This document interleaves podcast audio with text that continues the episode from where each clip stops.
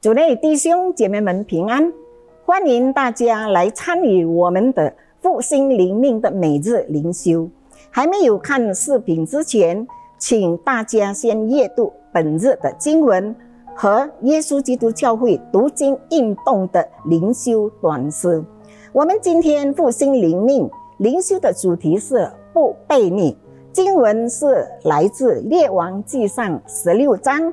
二十一到三十四节，我们先来做一个祷告，感谢主，今天赐给我们机会来阅读和学习你的话语，求主差派圣灵的同在，安静我们的心，靠着你赐给我们的智慧，能明白你的话。阿门。好，我们先来读今天的经文，就是《列王记上》第十六章。但是我们只从第二十九九节开始，我们来看我们的圣经。犹太王亚萨三十八年，暗利的儿子亚哈登基，做了以色列王。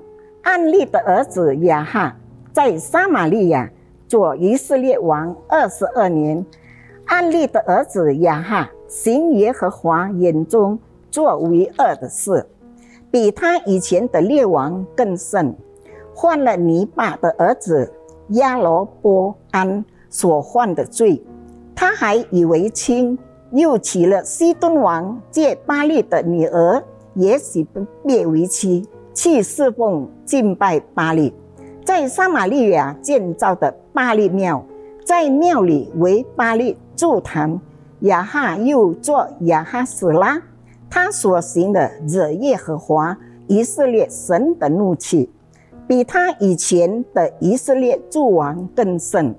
亚哈在位的时候，有伯特利人习以了重修耶利哥城，立根基的时候上了长子亚比兰，安门的时候上了幼子西格。正如耶和华祭嫩的儿子耶稣亚所说的话，我们读经就到这里为止。好，我们来看这一段的经文，《列王记上》是叙述所罗门王的执政，以致以色列分为两国的是史实。当时南方之国犹太建都耶路撒冷，北方之国。为建都撒玛利亚之以色列，以色列民分为两半，一半是随从基纳的儿子提比尼，另一半是随从暗利。虽然基纳的儿子这一称号表明提比尼的智慧地位高于暗利，但暗利却更受欢迎。提比尼死后，暗利才算正式成为北国以色列的国王。暗利统治列个十二年，包括他仅统治一半的以色列民的时间在内。他买了撒玛利亚山，在山上建城，起名叫撒玛利亚城。随后就把北国以色列的首都从特色城迁至撒玛利亚城。从国防和经济的角度来看，迁都不仅是具有战略意义。而且也可能象征着与过去断绝关系，重新开始新的阶段。案例呢是一位很有成就的国王，可惜的是他比以前的列王作恶更甚，因此他的成就渐显得暗淡无光。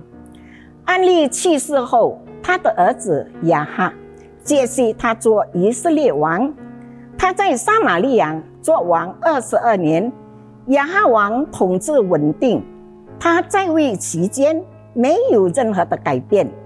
他与西敦王联盟，并娶了西敦王的女儿耶喜别为妻。这种联盟使两国受益。然而，在上帝的眼中，这种团契是一种罪恶。然而，超越了之前所有过往所做的罪恶，亚哈王创了新的纪录，就是成为比他父亲更恶的国王。他惹上帝的怒气，比他以前的以色列王更甚。他的妻子是一个非常邪恶的人，在以色列传播了巴黎教。亚哈王的罪行皆非易色。从这里呢，我们可以看到以色列王朝黑暗史相互残杀，罪恶一再重演。为了争权夺势，谋杀事件不断的增加。我们可以注意到，伯特利人习以勒是以牺牲自己的长子重修耶利哥城，在第十六章三十四节，刚才我们已经练过了，读过了这一段的经文，但是我们可以。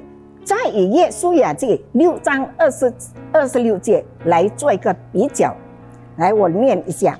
当时耶稣雅叫众人起誓说：“有兴起重修至耶律哥城的人，当在耶和华面前受咒诅。他立根基的时候，地上长子；安门的时候，必上幼子。牺牲儿童呢，是违背了上帝的话。”在随后的日子里，亚哈王继续违背了上帝的话。主内弟兄姐妹们，记住，对上帝的爱总是要通过顺服来表示的。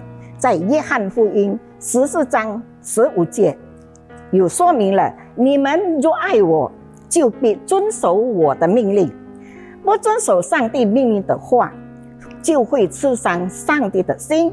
并使我们失去了喜乐。我们是否被难以割舍的罪捆绑？如果你要离开罪，上帝总愿意饶恕每个愿意认罪的人，而且上帝也赐圣灵来提醒、帮助我们。您是否一直努力遵循上帝的话吗？我们来低头做一个祷告。我们在天上的父，感谢你今天的话语。虽然在我们每天的日子里有违背了你的话，伤透了你的心，但你对我们的爱永不改变。你让我们懂得顺服、遵守你的话。感谢主，我们今天的祷告是奉靠了你的圣名而求的。阿门。主内弟兄姐妹们。让我们复兴我们的灵命。我们下次再见，愿上帝祝福你们。